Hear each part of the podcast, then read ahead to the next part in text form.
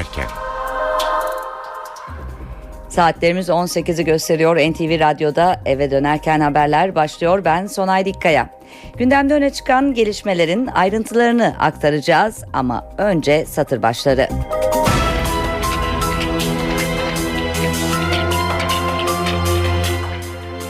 İnternet düzenlemesi onay için Çankaya Köşkü'ne gönderildi.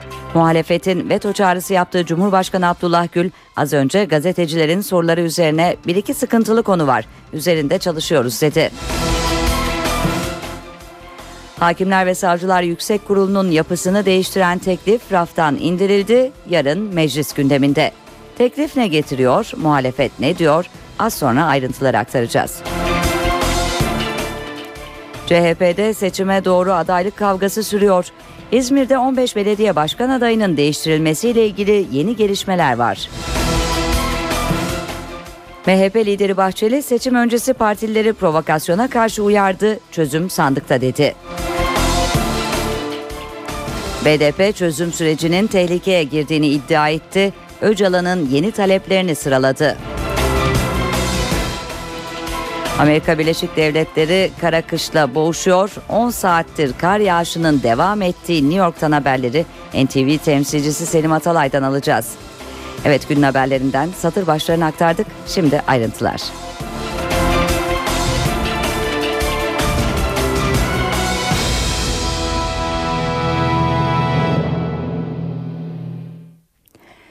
Balyoz davasında Yargıtay'ın bozma kararından sonra 88 sanığın yeniden yargılanmasına 17 Nisan'da başlanacak.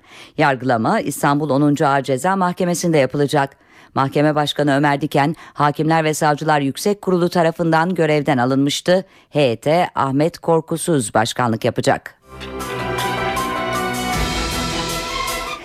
Hakimler ve Savcılar Kurulu'nun yapısını değiştiren kanun teklifi yarın yeniden Meclis Genel Kurulu'na gelecek.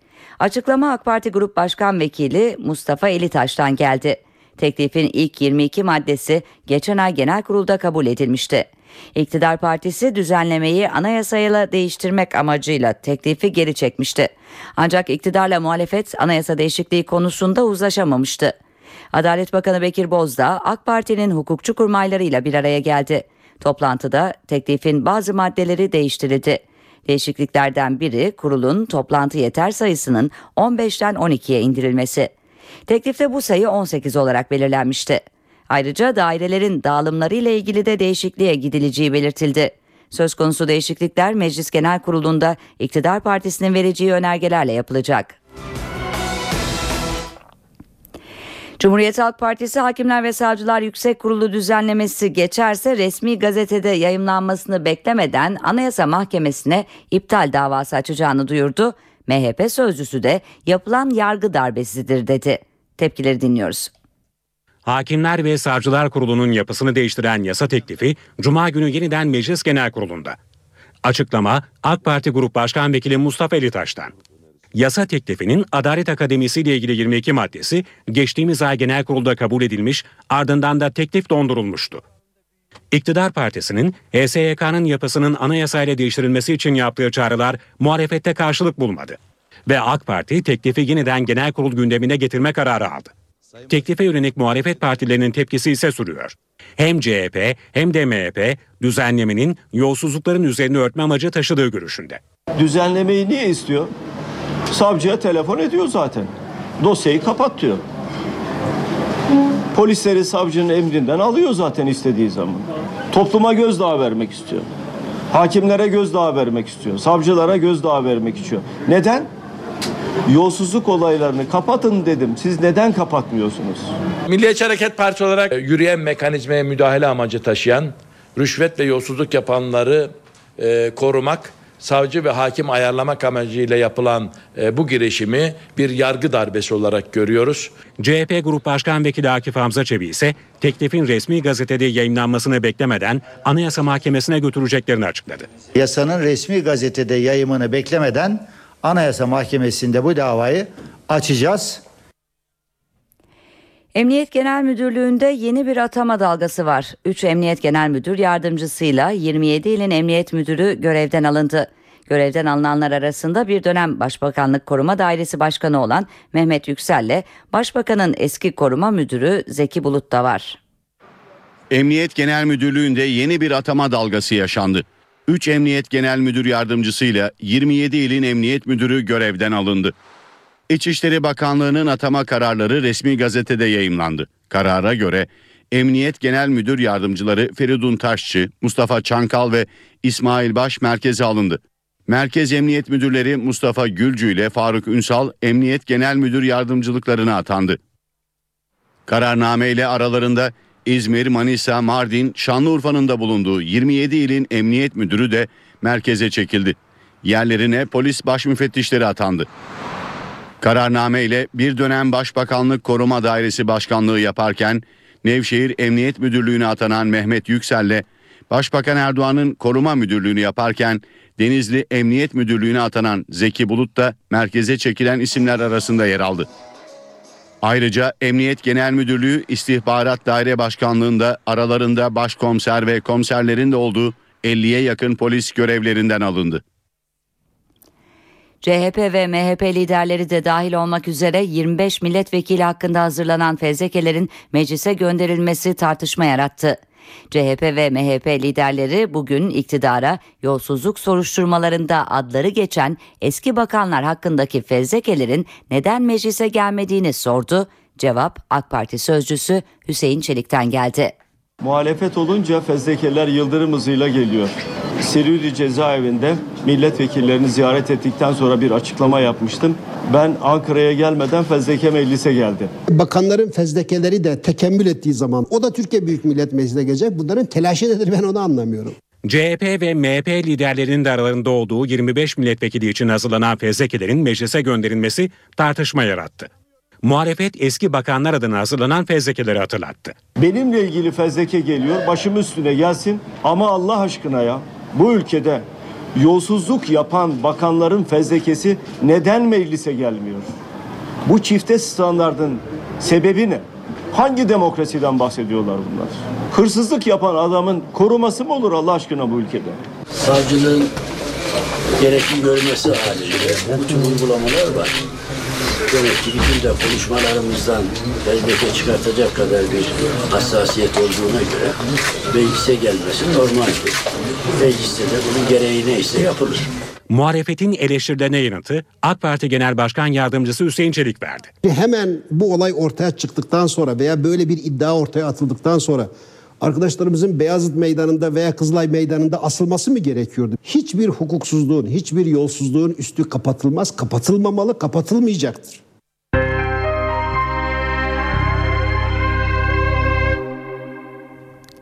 Başbakan Recep Tayyip Erdoğan yerel seçim öncesi eski vekillerle buluşuyor.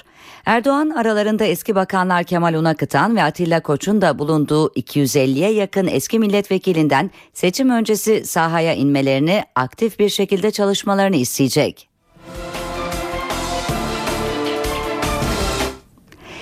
Ve CHP'deki adaylık kavgasına bakalım. Yerel seçimler aday belirleme süreci tartışmalı geçiyor. İzmir'de 15 belediye başkan adayının değiştirilmesiyle ilgili yeni gelişmeler var. Adaylıkların belirlenmesinde önemli rolü olduğu belirtilen İzmir Büyükşehir Belediye Başkanı Aziz Kocaoğlu Ankara'ya gitti. Kulislerde konuşulanlara göre Kocaoğlu parti yetkilileriyle bazı yeni adaylıkları yeniden değerlendirecek. İzmir'de yerel seçimler öncesi CHP'li 15 ilçe belediye başkanının yeniden aday gösterilmemesiyle başlayan trafik sürüyor. Genel başkanın sözünü kesen dağıl burayı terk et kardeşim. Genel Başkan Kemal Kılıçdaroğlu'nun grup toplantısındaki sert tavrına karşın aday gösterilmeyen belediye başkanları mücadelelerini sürdürmek üzere Ankara'ya çıkarma yaptı.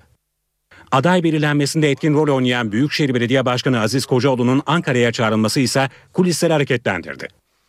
Kocaoğlu Ankara'da adaylıklara yapılan itirazları parti yetkilileriyle değerlendirdi. Toplantıda Karşıyaka, Bornova, Çiğli, Buca ve Karabağlar ilçelerinin yeniden değerlendirildiği iddialar arasında. Kocaoğlu'nun Ankara'ya gittiği saatlerde CHP İzmir İl Başkanı Ali Engin ani bir basın toplantısı düzenledi. Engin istifaların ardından DSP'ye geçen belediye başkanlarına tepki gösterdi. Bazı arkadaşlarımız hırsına yenilerek e, partinin kendilerine verdiği bu onurlu e, görevi e, sürdürmek istemiyorlar. Bu arkadaşlarımıza e, hani üzüldüğümü e, bazen de acıdığımı ifade etmek isterim. CHP'de adaylıkların açıklanmasının ardından bir istifa haberi de Antalya'dan geldi. Üç dönemdir Muratpaşa Belediye Başkanlığı'nı yapan Süleyman Evcinmen, partisi tarafından aday gösterilmemesi üzerine istifa etti. CHP'de Evcinmen'in yerine adaylığı belirlenen isim açıklanmadı. CHP yönetimi Kadıköy Belediye Başkan adayını henüz açıklamadı. Kadıköy Belediye Başkanı Selami Öztürk yeniden aday gösterilip gösterilmeyeceği belli olmadığı için CHP yönetimine sitem etti. Selami Öztürk sürekli farklı isimler ortaya atılıyor. Her seferinde kendimi idam edilmiş bir mahkum gibi hissediyorum. Aday gösterilmeyeceksem niye bunu önceden söylemediniz dedi. CHP'de yeniden aday gösterilmeyeceği haberleri üzerine Antalya Muratpaşa Belediye Başkanı Süleyman Evcilmen de partiden istifa etti. MHP Genel Başkanı Devlet Bahçeli seçim öncesi partilileri provokasyona karşı uyarıp sağduyu çağrısı yaptı. Çözüm sandıkta dedi. Sokak karanlıktır. Sokak kirlidir. Sokak kanlıdır. Sokak gibi görünmeyen bir kuyudur. MHP Genel Başkanı Devlet Bahçeli seçim merkezi açılışı için Kırıkkale'deydi. Belediye Başkan adayı Mustafa Pekdoğan'la kürsüye çıktı. Partilere seçim öncesi sağduyu çağrısı yaptı. Bazıları var. dava arkadaşımız, kardeşlerimiz, ülkücülerimizi sokağa çekmek istiyor. Genç kardeşlerime söylüyorum. Sokakta hiçbir şart altında işiniz gücünüz olmayacak. İradenizi kullanacak yeriniz sandıktır. Bahçeli 17 Aralık operasyonu üzerinden Başbakan Recep Tayyip Erdoğan eleştirdi. Yolsuzluk ve rüşvetin üzerine gideceğin yerde bana kim komplo yaptı?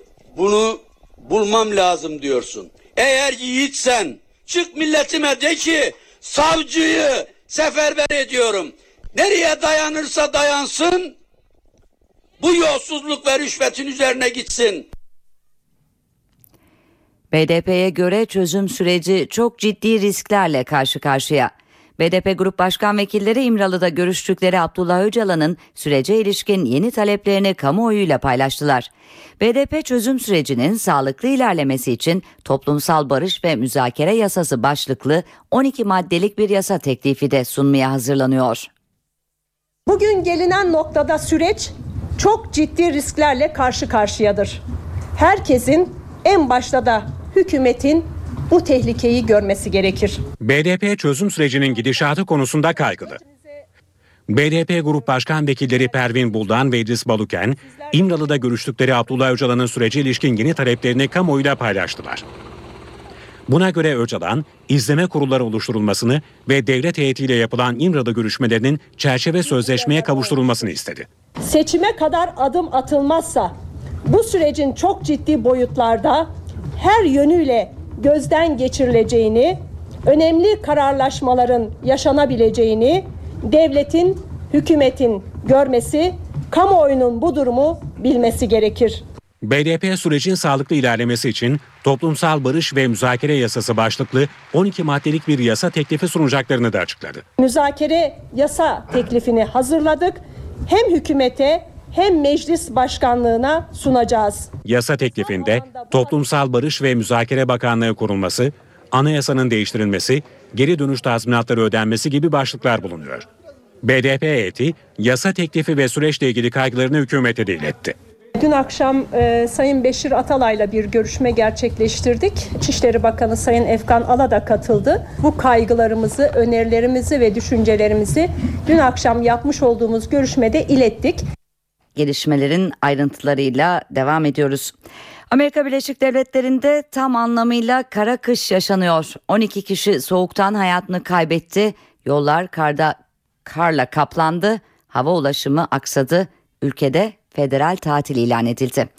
NTV New York temsilcisi Selim Atalay'ı dinliyoruz. Yaklaşık 10 saattir falan sürüyor kar yağışı. Bir e, 8 saat daha sürecek ve şimdiden 25 santim 30-35'e çıkacak, 40'a 50'ye çıkacağını söyleyen var. E, dış mahalleler çok daha yoğun. E, bu kar daha sonra yağmura dönüşecek ve korkarız tekrar dona çekecek. Ondan sonra da herhalde e, altyapı kalır mı, elektrik kalır mı, sistem kalır mı onu da e, görmemiz gerekiyor. Yaklaşık 100 milyon kişi bu fırtınanın altında. E, e, bu yazın yaşadığımız e, dönen tayfun resimlerinin aynısı yine dönüyor Amerika'nın üzerinde ama bu sefer yağmur yerine e, e, ka- kar, buz ve e, tekrar soğuk hava olarak dönüyor. E, nedir? Kuzey gölleri donmuş durumda. Kanada Amerika sınırındaki büyük göller bölgesi kuzey gölleri e, ki orası okyanus kadar büyüktür. Yaklaşık yüzde doksanı donmuş durumda. E, en son böyle bir durum 20 yıl önce yaşanmıştı. Yani 20, 30, 100 yıllık rekorlar tekrar tekrar kırılıyor. E, Bundan sonrası için en çok e, Washington ve Güney daha tropik eyaletler çok daha fazla etkilendi. Oralarda da 20 santim ve yukarısında kar kalınlığı var. Zaten e, daha önceki bir fırtınada Birleşmiş Milletler kapanmıştı. Daha önceki bir fırtınada Chicago'daki kutup ayısı bu hava çok soğuk benim için diye dışarı çıkmayı reddetmişti. Şimdi bu fırtınada da Washington resmen kapandı. Ee, Beyaz Saray iptal, bugünkü basın briefingi yok. Kongre kapalı. Hatta bu basın to- e, bu e, fırtına e, Fed Başkanı Yellen'ı da evden çıkartmayan bir fırtına oldu. Fed Başkanı Yellen'ın bugün kongrede sunumu vardı. Onu da iptal ettiler. Yani bir anlamda Amerikan Merkez Bankası da kapalı. Piyasalar idare ediyor, yarı açıklar. Ee, altyapı çok zorlanıyor. Havaalanları işte New York, Washington, Boston, Chicago havaalanları şu noktada çalışmıyor herhalde. Yine 20-25 santim kar var. Bir tren devrildi bir tarafta e, e, aşağıdaki eyaletlerden birinde ve şu an e, Amerika'da Soçi kış olimpiyatlarından daha fazla kar var. Onu söyleyip kapatabiliriz. Evet Rusya'nın Soçi kentinde kış olimpiyatları yapılıyor ama Soçi'de kış ortasında yaz mevsimi yaşanıyor. Olimpiyat oyunlarını izlemeye gelenler güneş ve denizin tadını çıkarıyor. Kış olimpiyatlarına ev sahipliği yapan Soçi'de hava sürpriz yaptı. Hava sıcaklığı yüksek kesimlerde 14, kent merkezinde ise 17 dereceyi geçti. Durum böyle olunca montlar, bereler bir kenara bırakıldı, şortlar, tişörtler hatta parmak arası terlikler ortaya çıktı. Kış ortasında sıcak havayı fırsat bilenler sahile akın etti, güneş ve denizin tadını çıkardı. Sıcak hava, kayak pistlerinin durumuyla ilgili tartışmaları da beraberinde getirdi. Ancak yetkililer endişeye gerek olmadığını söylüyor. Her müsabaka planlandığı gibi devam ediyor. Aslında kar olmaması aşırı kar olmasından iyi bir şey. Şimdilik kaygı verici bir durum yok. Takip etmeye devam ediyoruz.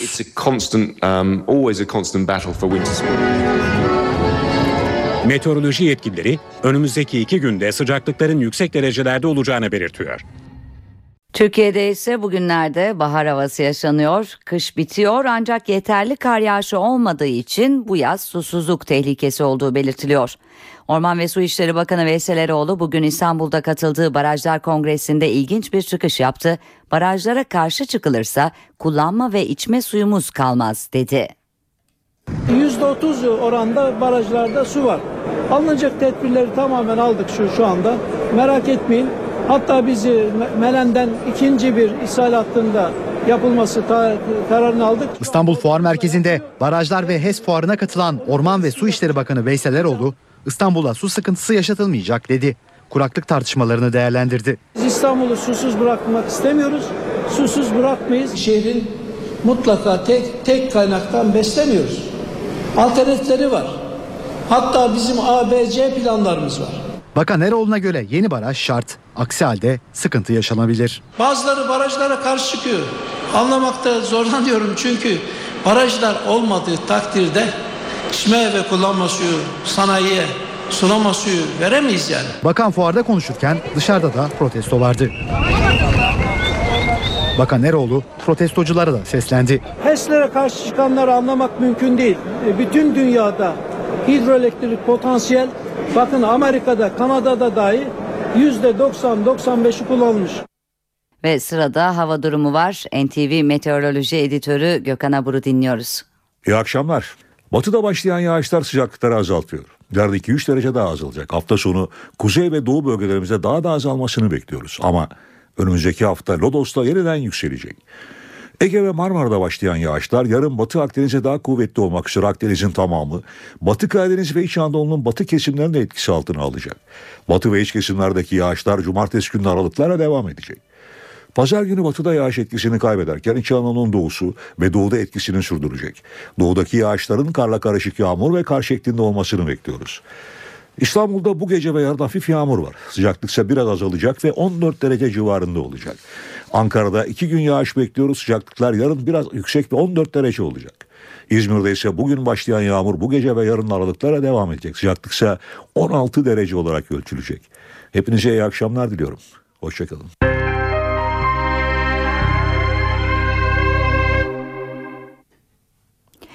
Cenevre'de taraflar barış görüşmeleri yaparken Suriye'de çatışmalar sürüyor. Son 3 haftada Suriye'de her gün 200'den fazla kişinin çatışmalarda öldüğü bildiriliyor. Suriye'deki iç savaşa çözüm bulunması amacıyla Cenevre'de başlayan barış görüşmeleri ikinci turunda ama bu durum ülkedeki çatışmaları durdurabilmiş değil. Tersine çatışmalar şiddetleniyor, ölü sayısı artıyor. Muhaliflere yakın kaynaklar 22 Ocak'tan beri ülkede yaklaşık 5000 kişinin yaşamını yitirdiğini açıkladı. Kayıpların üçte biri sivil, 500'den fazlası kadın ve çocuk. Muhaliflere göre bu 2011'den bu yana devam eden çatışmalarda 3 hafta içinde kaydedilen en büyük can kaybı.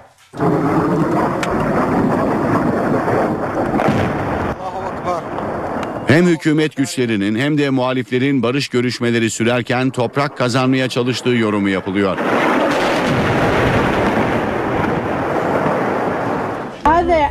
Cenevre'deki görüşmelerde ise henüz ilerleme sağlanabilmiş değil. Görüşmelerden basına yansıyan haberlere göre müzakerelerden somut bir sonuç çıkması ihtimali zor görünüyor. Suriye'nin kuşatma altındaki Humus kentinde ise ateşkes süresi bir kez daha uzatıldı. Humus valiyi ateşkesin sivillerin tahliyesinin devamına olanak sağlamak için bugünden itibaren 3 gün daha uzatıldığını duyurdu. Beşar Esad rejimi ve muhalifler arasında ateşkesin sağlandığı cuma gününden bu yana 1200 kişinin Humus'tan tahliye edildiği belirtildi. Yaklaşık 1000 kişinin daha şehri terk etmesi bekleniyor. Güney Amerika ülkesi Venezuela'da hükümetin ekonomi politikasını eleştiren eylemciler sokağa döküldü.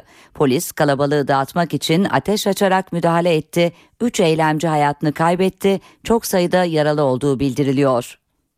Venezuela Devlet Başkanı Nicolas Maduro seçildiğinden bu yana en geniş katılımlı tepkiyle karşı karşıya.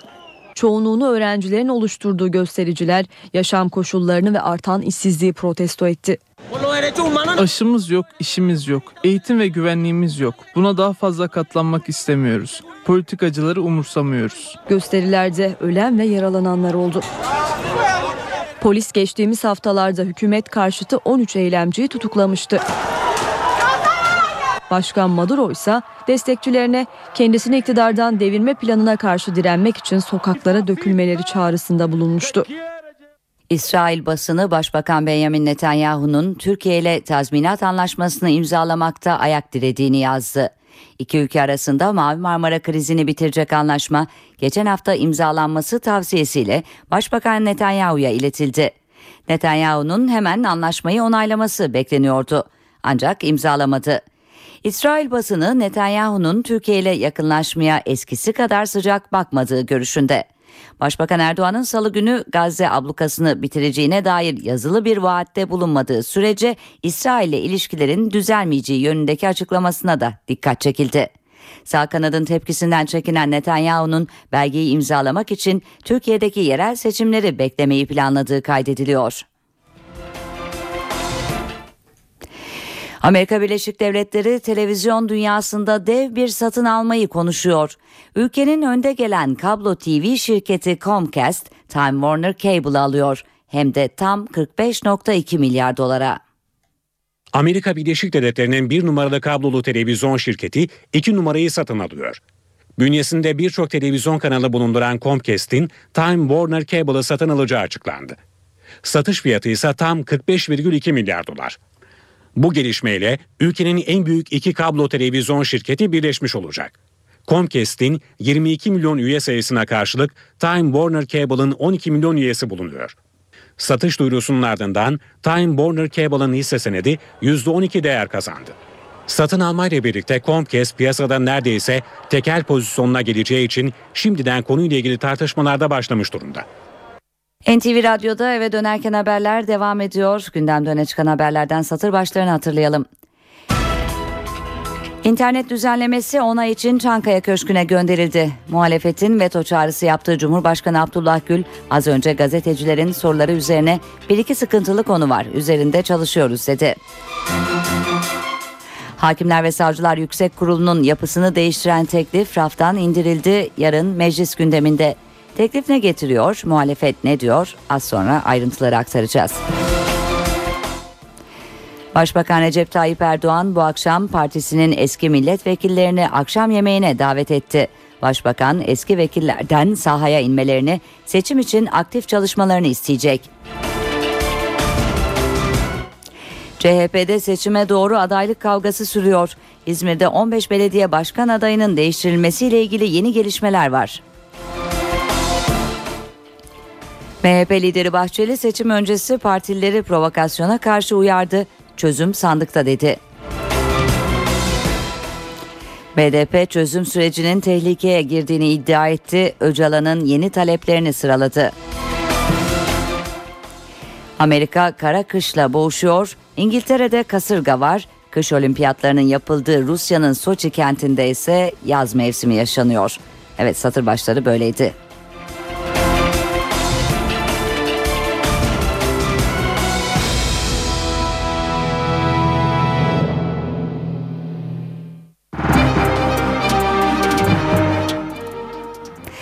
Ayrıntılara geçmeden önce piyasaların günü nasıl kapattığını da aktaralım.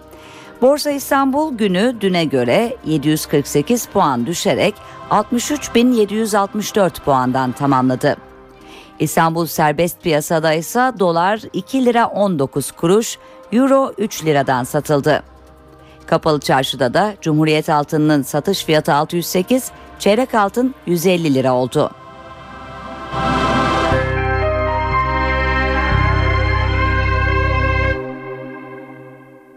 Gelişmelerin ayrıntılarıyla eve dönerken haberler devam ediyor.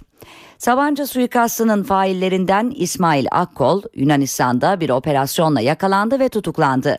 Akkol 16 yıl önce Sabancı suikastını Mustafa Duyar ve Fehri Erdal'la birlikte gerçekleştirmişti. 16 yıldır da aranıyordu. Suikast ve ardından olanları hatırlayalım. 9 Ocak 1996 Türkiye İstanbul 4. Levent'teki Sabancı Kulelerinden gelen cinayet haberiyle sarsıldı. Cinayetler planlıydı. DHKPC üyesi Ferriye Erdal, Sabancı Kulelerinde çaycı olarak işe girdi. Cinayet günü Ferriye Erdal, Mustafa Duyar ve İsmail Akkol'u temizlik şirketi çalışanları olarak yöneticilerin bulunduğu 25. kata çıkardı. Kulelerin güvenlik kameralarına Mustafa Duyar ve kısa bir süre önce Yunanistan'da tutuklanan İsmail Akkol'un bu görüntüleri yansıdı. Mustafa Duyar'ın ifadesine göre önce yöneticilerin bulunduğu bölüme girdi. Duyar Sakıp Sabancı'yı aradı. Ancak Ferhiye Erdal heyecanlanarak yanlış odayı gösterdi. Duyar, İsmail Akkol'un sekreter Nilgün Hasefe'yi öldürdüğünü söyledi. Kendisinin de Özdemir Sabancı ve Toyotasa Genel Müdürü Haluk Görgün'ü öldürdüğünü itiraf etti. Cinayet sonrasında kaçış süreci başladı. Mustafa Duyar 22 Aralık 1996'da Türkiye'nin Şam Büyükelçiliğine teslim oldu. Sabancı cinayetlerinden sonra Gültepe'de Sabancı Center'ı gören bir gece konduda uzun süre saklandıklarını anlattı. Mustafa Duyar 1996'da Afyon cezaevinde Kara Gümrük çetesi lideri Nuri Ergin'in adamlarınca öldürüldü. Duyar'ı Afyon cezaevinde öldüren Ahmet Yargüder, vur emrini Yeşil Kod adlı Mahmut Yıldırım'dan aldığını iddia etti. Sabancı suikasti sanıklarından Ferri Erdal yıllar sonra Belçika'da yakalandı. Ancak Türkiye'ye iade edilmeyince serbest kaldı. Fehriye Erdal'ın Susurlu kazasında ölen Emniyet Müdürü Hüseyin Kocadağ'ın referansıyla Sabancı Center'da işe başladığı öne sürüldü. Kaçışı en uzun süren isim diğer tetikçi İsmail Akkol oldu.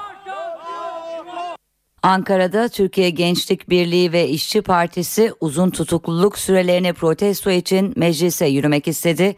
Polis müdahalesiyle sona erdi. Kızılay'da toplanan grup meclise yaklaşık 250 metre kala polis barikatıyla karşılaştı. Göstericilerle emniyet güçleri arasında yapılan görüşmeler sonuç vermedi. Göstericiler polis barikatına yüklenince ilk müdahale yapıldı. Biber gazı ve tazikli suyla yapılan müdahalenin ardından göstericiler bu kez Akay Caddesi'nde toplandı. Polis buraya da gaz bombası atarak müdahale etti, göstericileri dağıttı. Eylemi takip eden CHP milletvekili Süheyl Batunsa polislere tepki gösterdi. Gaziantep'te aralarında ticaret odası, üniversite ve sivil toplum kuruluşlarının da olduğu 15 kurum Suriyeli sığınmacılarla ilgili bir rapor hazırladı. İşte Suriyelilerle ilgili sorunlar ve çözüm önerileri. Her 10 kişiden biri Suriyeli. Suç oranları artabilir. Hastaneler tıklım tıklım. Bu tespitler Gaziantep'te üniversite ve sivil toplum kuruluşlarının birlikte hazırladığı rapora ait. Suriyeli sığınmacılarla ilgili eğitim, sağlık, güvenlik ve ekonomi konularında hazırlanan rapor Başbakan Yardımcısı Beşir Atalay'a sunuldu. Türkiye'ye girişte çok sıkı bir kayıt sistemi oluşturulmalı. Suriyeliler ile ilgili emniyette özel bir birim oluşturulmalı. Mevcut Suriye araçlarına geçici plakalar verilmeli. Sınırdan yeni girecek olanlara ise geçici plakalar sınır kapılarında takılmalıdır. Raporda muhaliflerin kentte başlattığı geçici hükümet kurma çalışmasından duyulan çekince ifade edildi. Kayıt dışı istihdama dikkat çekildi. Suriyelilere çalışma izni verilmeli denildi. Suriye'de yatırımları olan girişimcilerimizin öncelikle oradaki zararları tespit edilmeli ve bu firmalara Sosyal Güvenlik Kurumu avantajlarla muhasiplaşmak sağlanmalı. Rapora göre sağlık merkezleri dolma noktasına geldi. Çocuk felci, kızamık ve şark çıbanı gibi hastalıklarda da artış var. İstanbul Samatya'da Ermeni asıllı Türk vatandaşı Maritsa Küçük'ün öldürülmesi davasında önemli bir gelişme var. Olay yerinde bulunduğu öne sürülen ameliyat bıçağı aylar sonra incelemeye gönderildi. İstanbul 2. Ağır Ceza Mahkemesi'nde görülen duruşmaya tutuklu sanık Murat Nazaryan katıldı. Öldürülen Küçük'ün ailesinin avukatı Eren Keskin bıçağı mahkemeye sunup incelenmesini talep etti. Bıçağı incelemeye gönderen mahkeme başkanı sanık Nazaryan'ın cezai ehliyetinin yerinde olup olmadığına ilişkin Adli Tıp Kurumu raporunun da henüz gelmediğini kayda geçirerek duruşmayı erteledi. Biri kadın Somalili kaçağın 19 Somalili kaçağın Avrupa'ya kaçma hayali Boğaz Köprüsü'nde bitti. Minibüsün kasasına saklanan kaçaklar şoförün kaçmaya çalışması üzerine köprü ortasında kalıp yakalandılar. 19 Somalili'nin hayali Boğaz Köprüsü'nde son buldu.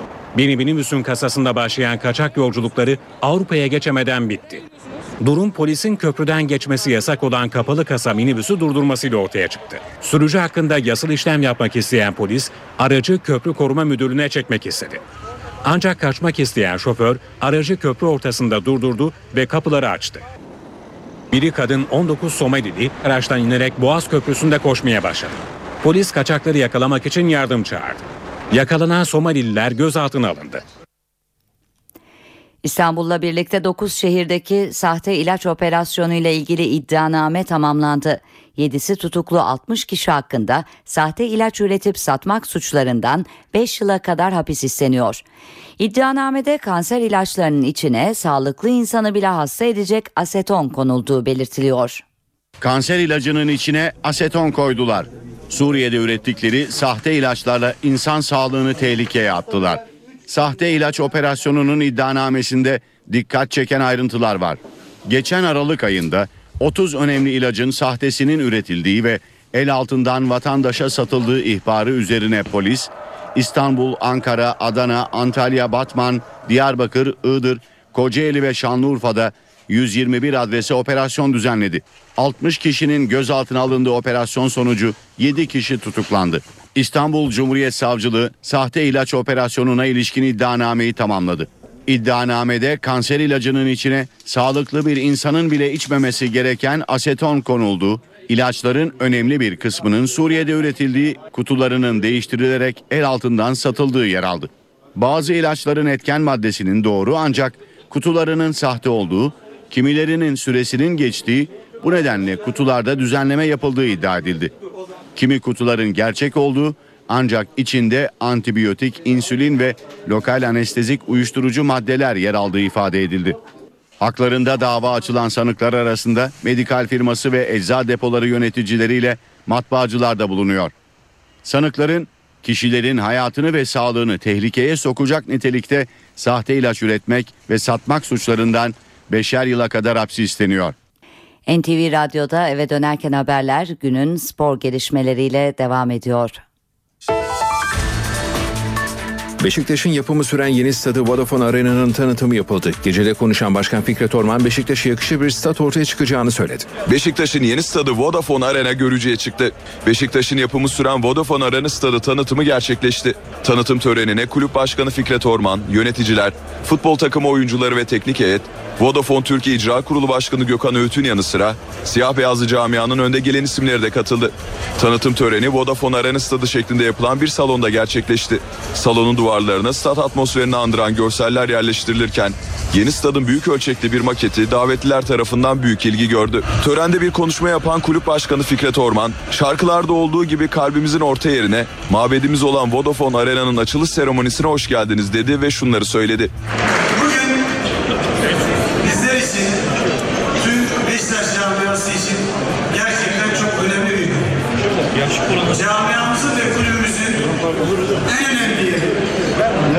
Şarkılarda olduğu gibi kalbimizin orta yeri. Yeni mabedimiz olan Vodafone Arena'nın açılış, açılış seremonisine hoş geldiniz. Törenin ardından basın mensuplarının sorularını yanıtlayan Fikret Orman, stadın hızlı ilerlemesi ve takımımızın da buna motivasyon eklemesi herkesi mutlu ediyor. Loja satışlarına başladık ve şu ana kadar 75 loja satışı yaptık. Orman, Fenerbahçe ile puan farkının kapanmasıyla ilgili soruya ise en başındayken söyledim. Lig henüz bitmedi. Uzun bir maraton. İlk 100 metre değil, son 100 metre önemli. Biz de hesap yapıyoruz. Allah'ın da hesabı var. Sonunda hak eden şampiyon olacak ifadelerini kullandı. Tanıtım toplantısında Başkan Orman ve yöneticiler tek tek kürsüye geldi. Kürsüye son olarak futbol takım oyuncuları, idari ve teknik kadrosuyla çalışanlar davet edildi. Törene bine yakın kişi katıldı. Galatasaray kupada 5 yıl sonra yarı finalde. Zira Türkiye Kupası'nda grubun son maçında sahasında Medikal Park Antalya Spor'la 0-0 berabere kalan Sarı Kırmızılılar adını son 4 takım arasına yazdırdı. Türkiye Kupası'nı 14 kez müzesine götüren ve kupayı en çok kazanan takım olan Sarı Kırmızılılar son 5 sezonda çeyrek finalden öteye geçememişti. 5 sezon aradan sonra yarı finale yükselen Galatasaray Bursa Spor'la finale kalma mücadelesi verecek. Galatasaray kupayı son olarak 9 yıl önce Fenerbahçe'yi 5-1 yenerek kazanmıştı. Milanlı Mario Balotelli, Galatasaray Teknik Direktörü ve aynı zamanda eski hocası olan Roberto Mancini ile yeniden çalışmak istediğini söyledi. Manchester City forması giyerken Roberto Mancini ile antrenmanda kavga eden Mario Balotelli, İtalyan teknik adamla ilgili 442 dergisine konuştu. Yaşadıkları sorunlara karşın Mancini'ye büyük saygı duyduğunu ifade eden yıldız futbolcu, kulüpten ayrıldığımdan bu yana görüşmedik. Onun İstanbul'da meşgul olduğunu biliyorum. Mancini'yi hem insan hem teknik direktör olarak seviyorum. Onun da olayları büyük sorun yapan biri olduğunu sanmıyorum. Mancini ile yeniden çalışmak ister miyim? Evet isterim, dedi.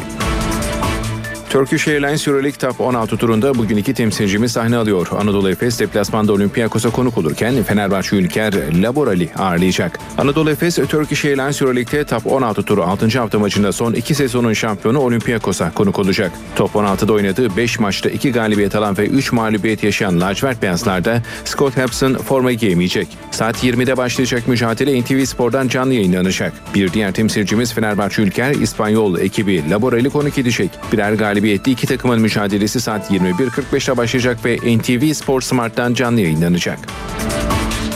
Voleybolda Vakıfbank Şampiyonlar Ligi'nde Final Four'a kaldı. Temsilcimiz Fransız ekibi Kan'ı altın set sonunda elemeyi başardı. Şampiyonlar Ligi'nde son iki sezonun şampiyonu son dörde kalırken zorlandı. Temsilcimiz ilk maçta 3-1 yendi. Kan'a rövanşta aynı skorla yenildi. İlk seti 25-19 alan Vakıfbank sonraki setleri 25-17, 25-22 ve 25-22 kaybedince Final Four'a gidecek takımı belirlemek altın sete kaldı. Final setinde rakibine 15-12 üstünlük sağlayan Vakıfbank son dörde kalmayı başardı. Vakıfbank Final Four'daki ilk maçında Eczacıbaşı Vitra Omika eşleşmesinin galibiyle karşılaşacak. Eşleşmede ilk karşılaşmayı temsilcimiz deplasmanda 3-1 kazanmıştı. Rövanş bugün 20.30'a oynanacak.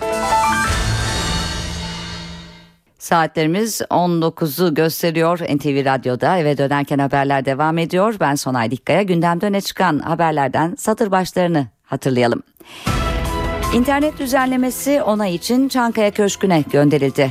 Muhalefetin veto çağrısı yaptığı Cumhurbaşkanı Abdullah Gül az önce gazetecilerin soruları üzerine bir iki sıkıntılı konu var üzerinde çalışıyoruz dedi. Hakimler ve Savcılar Yüksek Kurulu'nun yapısını değiştiren teklif raftan indirildi. Yarın meclis gündeminde. Teklif ne getiriyor, muhalefet ne diyor? Başbakan Erdoğan bu akşam partisinin eski milletvekillerini akşam yemeğine davet etti. Başbakan eski vekillerden sahaya inmelerini, seçim için aktif çalışmalarını isteyecek. CHP'de seçime doğru adaylık kavgası sürüyor. İzmir'de 15 belediye başkan adayının değiştirilmesiyle ilgili yeni gelişmeler var. MHP lideri Bahçeli seçim öncesi partilileri provokasyona karşı uyardı. Çözüm sandıkta dedi. BDP çözüm sürecinin tehlikeye girdiğini iddia etti. Öcalan'ın yeni taleplerini sıraladı. Amerika kara kışla boğuşuyor. İngiltere'de kasırga var. Kış olimpiyatlarının yapıldığı Rusya'nın Soçi kentinde ise yaz mevsimi yaşanıyor.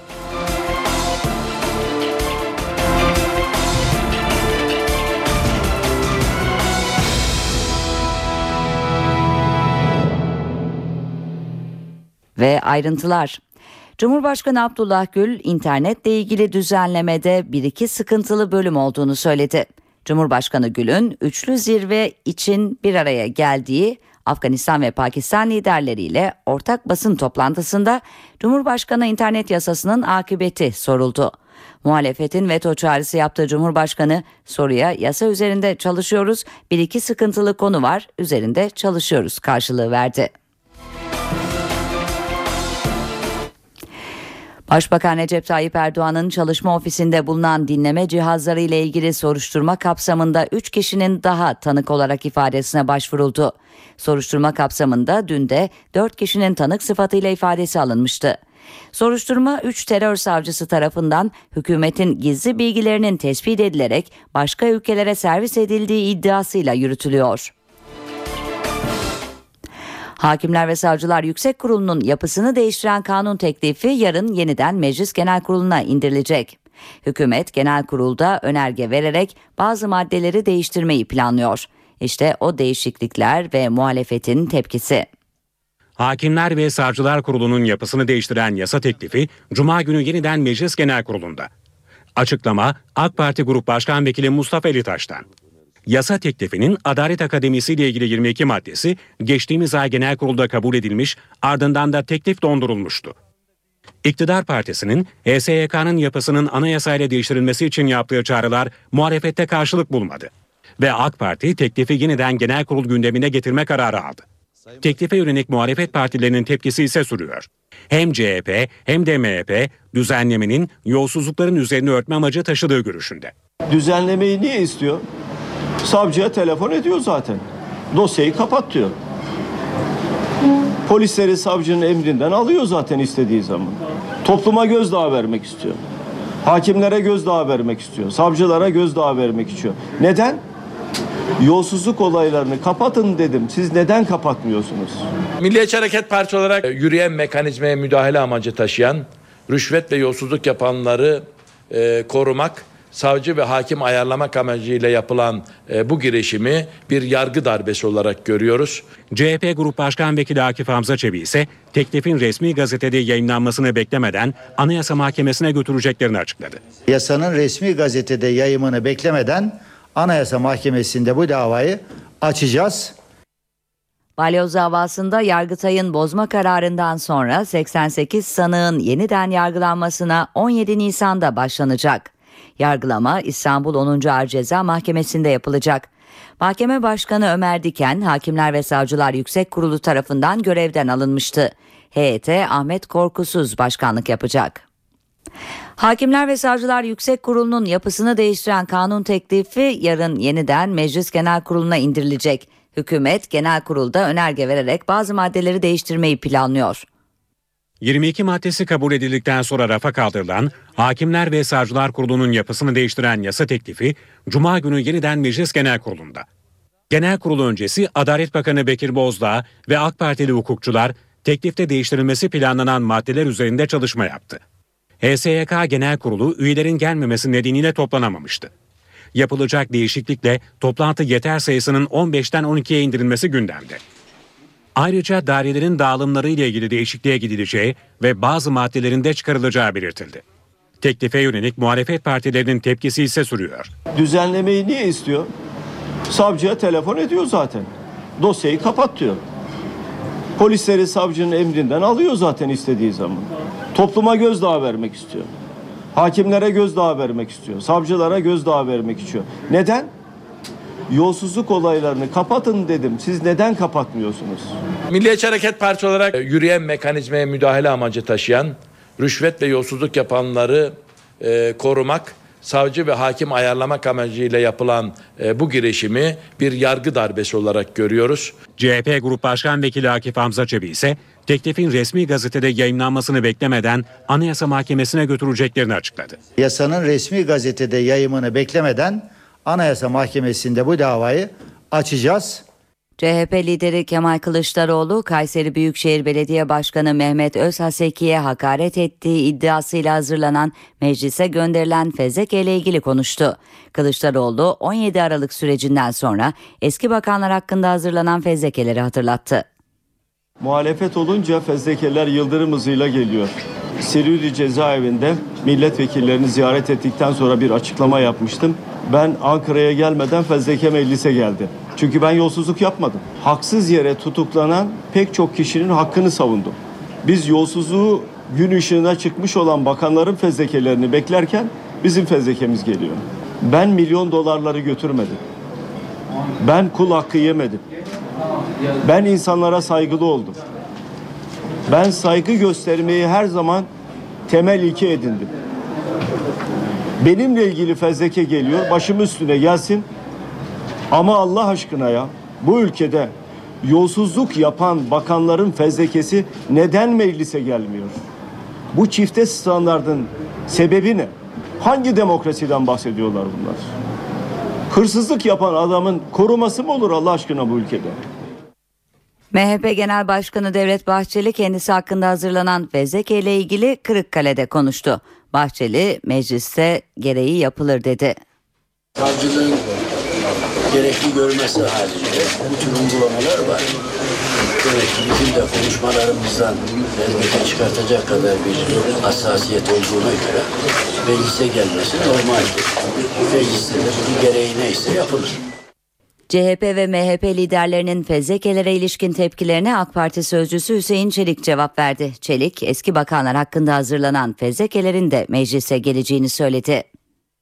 Sayın Kılıçdaroğlu ve Sayın Bahçeli ile ilgili gelen fezleke ile birlikte 22 fezleke geldi. Sadece onlarınki gelmedi.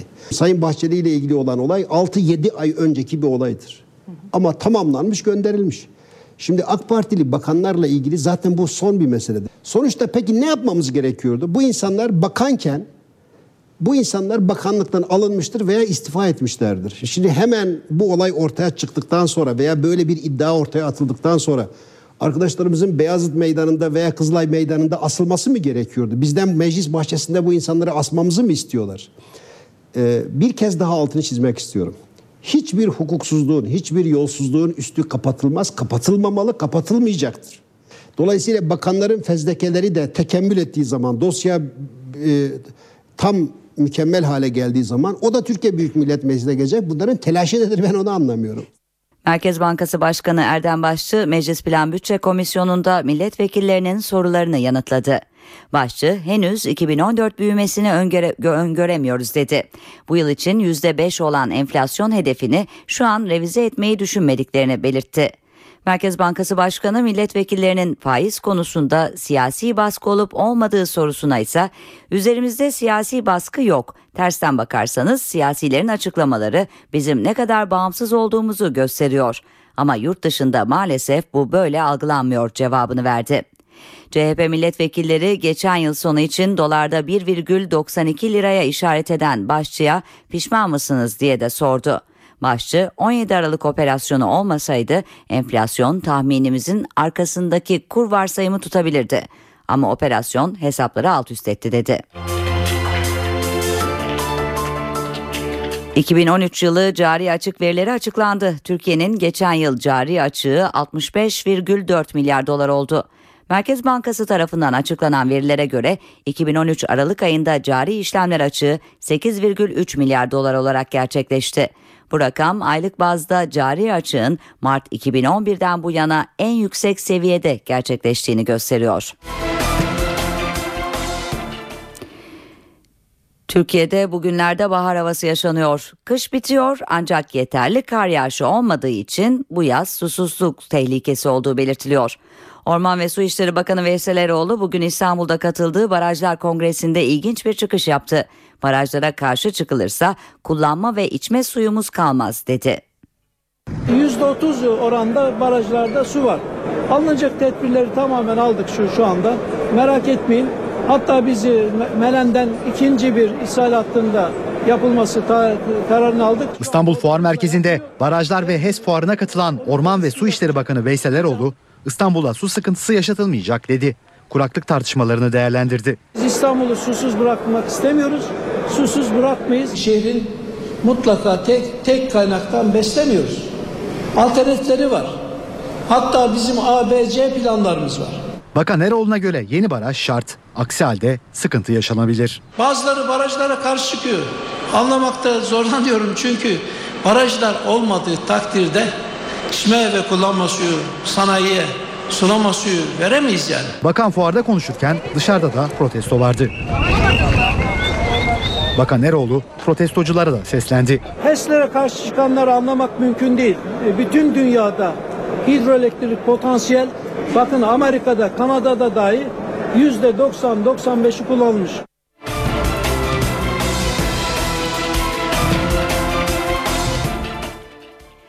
Başbakan Recep Tayyip Erdoğan partisinin eski milletvekilleriyle akşam yemeğinde bir araya geldi. Aralarında eski bakanlar Kemal Unakıtan ve Atilla Koç'un da bulunduğu 250'ye yakın AK Parti eski milletvekiliyle yemekli toplantının gündemi yerel seçimler. Başbakan eski milletvekillerinden seçim öncesi sahaya inmelerini ve aktif bir şekilde çalışmalarını isteyecek. Cumhuriyet Halk Partisi'nde de seçim yarışı nedeniyle kulisler hareketli. İstanbul'da CHP'nin kalesi olarak nitelenen Kadıköy ilçesi belediye başkan adayı için son sözü CHP lideri Kılıçdaroğlu'nun söyleyeceği belirtiliyor. Kadıköy'de Gürsel Tekin'in aday olabileceği iddia edildi. Ancak Tekin'in adaylığa sıcak bakmadığı belirtiliyor. İzmir'in bazı ilçelerinde de adayların değişebileceği kulislere yansıyan iddialar arasında. Bu nedenle İzmir Büyükşehir Belediye Başkanı Aziz Kocaoğlu Ankara'ya çağrıldı. Antalya Muratpaşa'da ise mevcut belediye başkanı Süleyman Evcilmen'in istifasına neden olan Sultan Yeğen'in adaylığı yerine Antalya İl Başkanı Devrim Kök'ün aday gösterileceği konuşuluyor.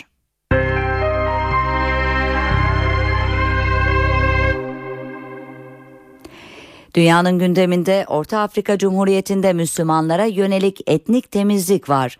Hristiyan milisler Müslümanlara saldırıyor. Birleşmiş Milletler'den gelen açıklamaya göre Müslümanların bir bölümü komşu ülkelere kaçıyor, kaçamayanlarsa kiliselere sığınıyor. Orta Afrika Cumhuriyeti'ndeki Müslümanlar etnik temizlikle karşı karşıya. Bu uyarı Birleşmiş Milletler ve uluslararası insan hakları örgütlerinden geldi. Din temelli etnik temizlik yapılıyor. Bunu ne pahasına olursa olsun durdurmalıyız. Ülkenin bazı bölgelerinde ayrım yapılmaksızın katliamlar işleniyor. Birleşmiş Milletler bu ülkede askerleri bulunan Fransa ve Afrika Barış Gücü'nden saldırıları engellemelerini istedi. Hristiyan milislerin saldırıları nedeniyle on binlerce Müslüman Çad ve Kamerun'a kaçarken başkent Bangui'de Müslümanların yaşadığı bölgeler boşaldı. Ülkeden kaçamayan Müslümanlarsa kiliselere sığındı. Müslümanlara ait dükkanlar ve işyerleri yağmalanıp yakıldı. Camiler imha edilirken evler de yerle bir edildi. Hristiyan milisler geçen yıl 9 ay iktidarda kalan Müslüman isyancıların yaptıkları katliamların intikamını aldıklarını iddia ediyor. Orta Afrika Cumhuriyeti'nin dini çatışmalar nedeniyle bölünebileceğine işaret ediliyor. Bu kriz öncesi Orta Afrika Cumhuriyeti'nin 4 milyonluk nüfusunun %15'ini Müslümanlar oluşturuyordu. Kıbrıs Rum yönetimi lideri Anastasiadis Rumlara seslendi. Kuzey Kıbrıs'la yeni müzakere sürecinde dayanışma ruhu içinde olmalarını istedi. Anastasiadis varılacak anlaşmada kaybeden taraf olmayacağını vurguladı.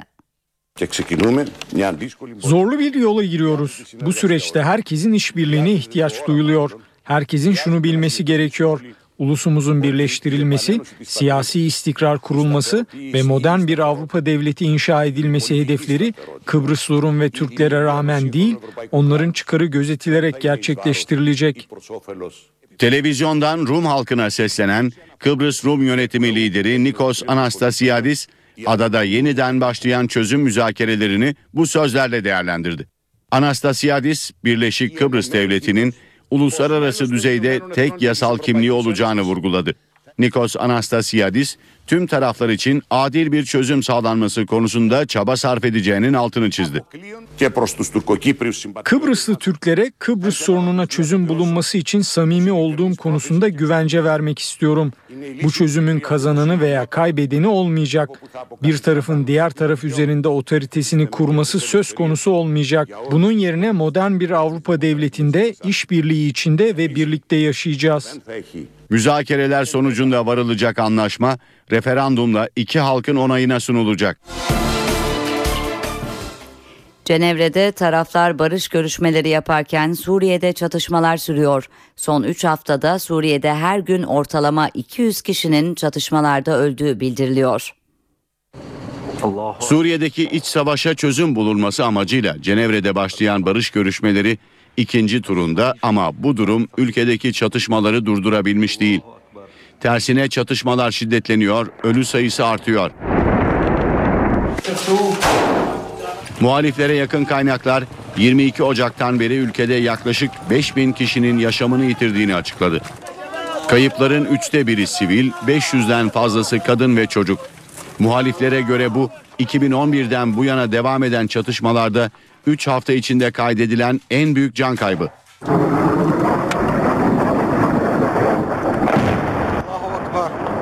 Hem hükümet güçlerinin hem de muhaliflerin barış görüşmeleri sürerken toprak kazanmaya çalıştığı yorumu yapılıyor.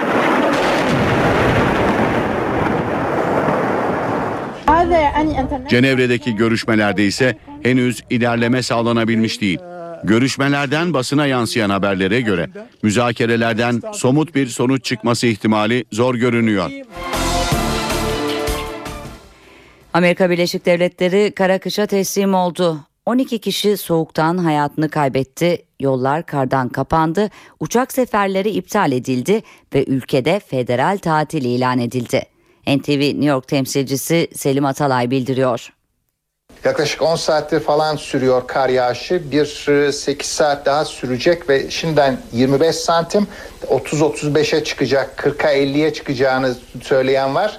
Ee, dış mahalleler çok daha yoğun.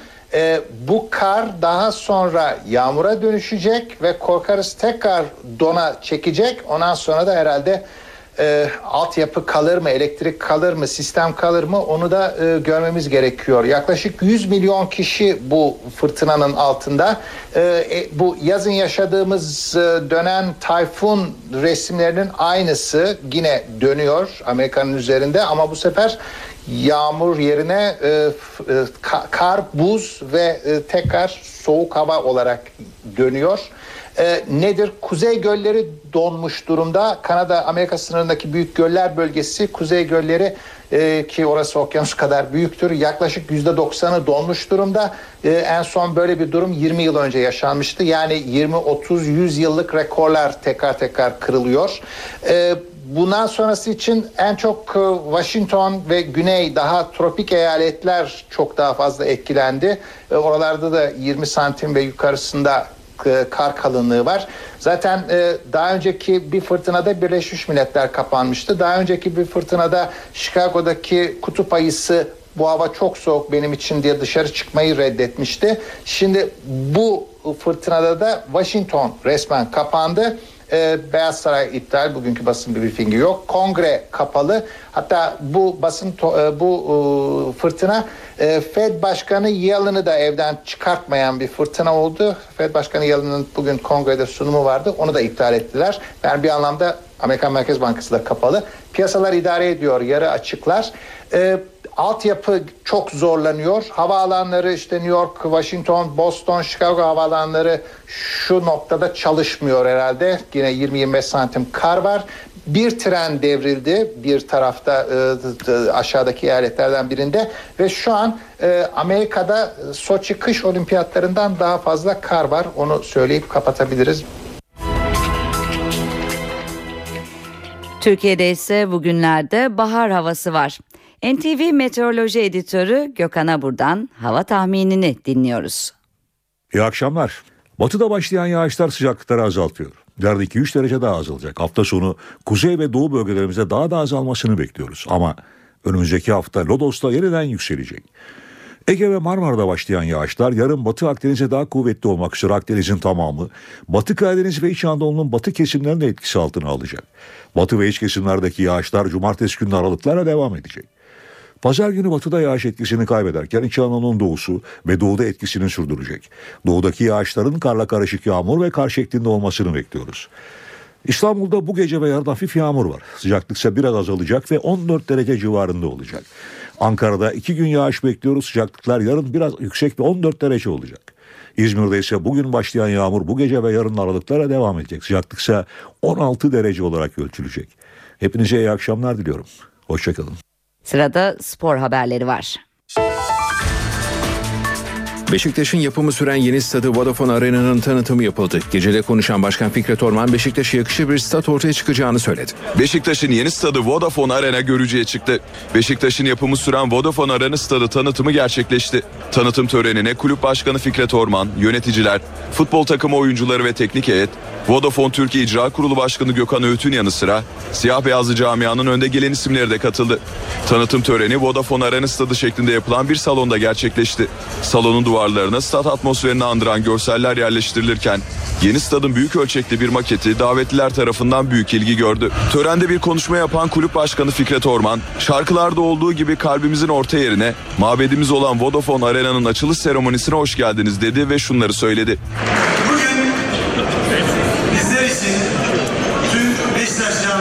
İçin gerçekten çok önemli bir gün.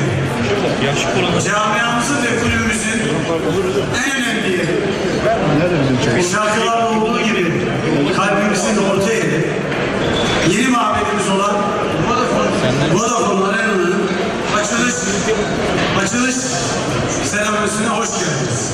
Törenin ardından basın mensuplarının sorularını yanıtlayan Fikret Orman, stadın hızlı ilerlemesi ve takımımızın da buna motivasyon eklemesi herkesi mutlu ediyor. Loja satışlarına başladık ve şu ana kadar 75 loja satışı yaptık. Orman, Fenerbahçe ile puan farkının kapanmasıyla ilgili soruya ise en başındayken söyledim, lig henüz bitmedi. Uzun bir maraton. İlk 100 metre değil, son 100 metre önemli. Biz de hesap yapıyoruz. Allah'ın da hesabı var. Sonunda hak eden şampiyon olacak ifadelerini kullandı. Tanıtım toplantısında Başkan Orman ve yöneticiler tek tek kürsüye geldi. Kürsüye son olarak futbol takımı oyuncuları, idari ve teknik kadrosuyla çalışanlar davet edildi. Törene bine yakın kişi katıldı.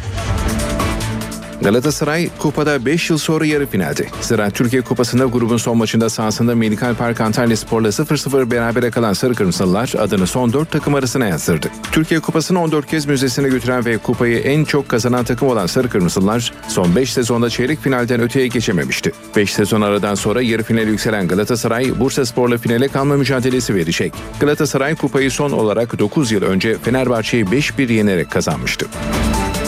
Milanlı Mario Balotelli, Galatasaray Teknik Direktörü ve aynı zamanda eski hocası olan Roberto Mancini ile yeniden çalışmak istediğini söyledi. Manchester City forması giyerken Roberto Mancini ile antrenmanda kavga eden Mario Balotelli, İtalyan teknik adamla ilgili 442 dergisine konuştu. Yaşadıkları sorunlara karşın Mancini'ye büyük saygı duyduğunu ifade eden yıldız futbolcu, kulüpten ayrıldığımdan bu yana görüşmedik. Onun İstanbul'da meşgul olduğunu biliyorum. Mancini'yi hem insan hem teknik direktör olarak seviyorum. Onun da olayları büyük sorun yapan biri olduğunu sanmıyorum. Mancini ile yeniden çalışmak ister miyim? Evet isterim, dedi.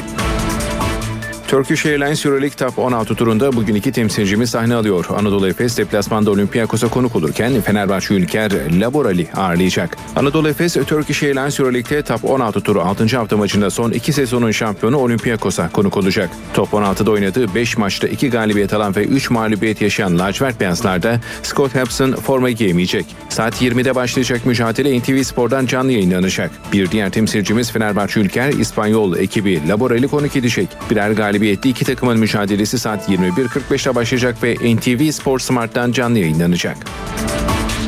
Voleybolda Vakıfbank Şampiyonlar Ligi'nde Final Four'a kaldı. Temsilcimiz Fransız ekibi Kan'ı altın set sonunda elemeyi başardı. Şampiyonlar Ligi'nde son iki sezonun şampiyonu son dörde kalırken zorlandı. Temsilcimiz ilk maçta 3-1 yendi. Kan'a rövanşta aynı skorla yenildi. İlk seti 25-19 alan Vakıfbank sonraki setleri 25-17, 25-22 ve 25-22 kaybedince Final Four'a gidecek takımı belirlemek altın sete kaldı. Final setinde rakibine 15-12 üstünlük sağlayan Vakıfbank son dörde kalmayı başardı. Vakıfbank Final Four'daki ilk maçında Eczacıbaşı Vitra Omika eşleşmesinin galibiyle karşılaşacak. Eşleşmede ilk karşılaşmayı temsilcimiz deplasmanda 3-1 kazanmıştı. Rövanş bugün 20.30'a oynanacak.